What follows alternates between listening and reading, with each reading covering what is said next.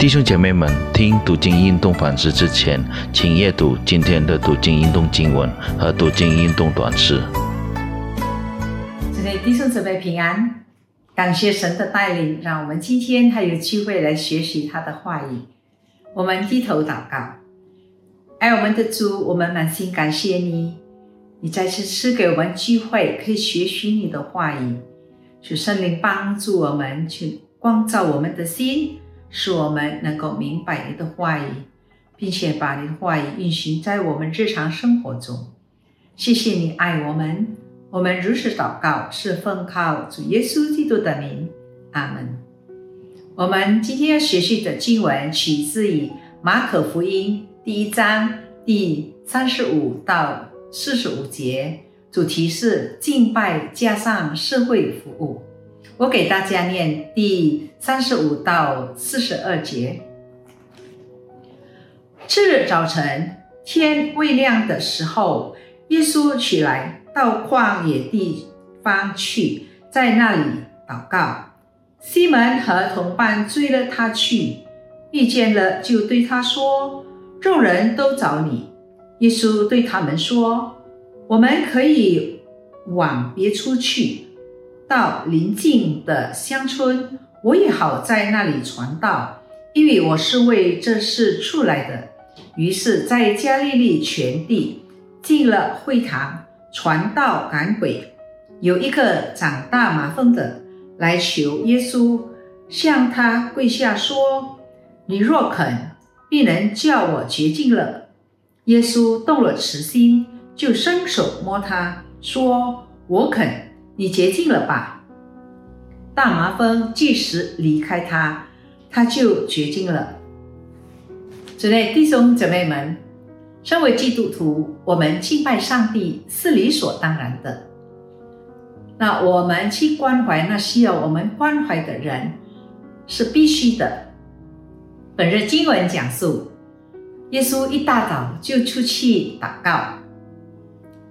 然后耶稣就在会堂里传道、讲道之后，耶稣通常会医好了许多那些患各种疾病的人，同时也医好了许多被鬼附的人。耶稣所做的这一切，不是要来赢得人的掌声。当时耶稣所行的。为今天的教会树立了榜样。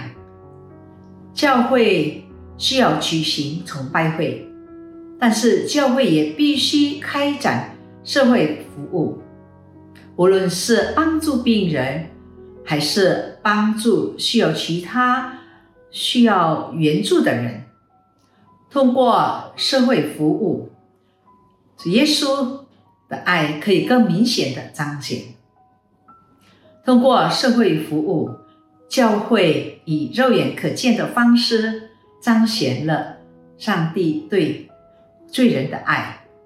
这种通过社会服务来表达爱心，不仅是教会这个机构来做，而是需要教会里的每一个成员来做。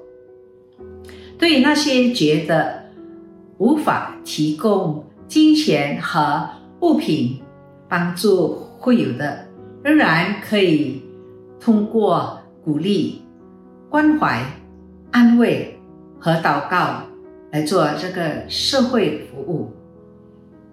在一个越来越以自我为中心的世界里，社会服务是非常的重要。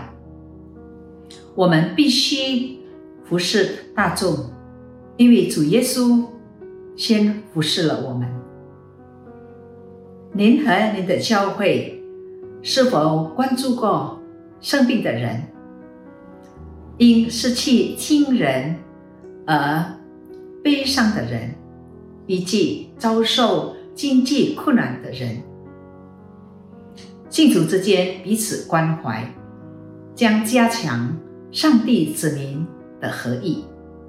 而关怀那些未信主的人，是基督徒见证的一种形式。彰显出上帝对罪人的爱。您是否渴望以爱分享爱来表达你对上帝的爱？您是否已经关怀周围的人？您有没有善待在你家里不是你的佣人、司机和园丁？上帝许可他们服侍您，也许上帝要您去关怀他们，上帝要接着您来赐福于他们。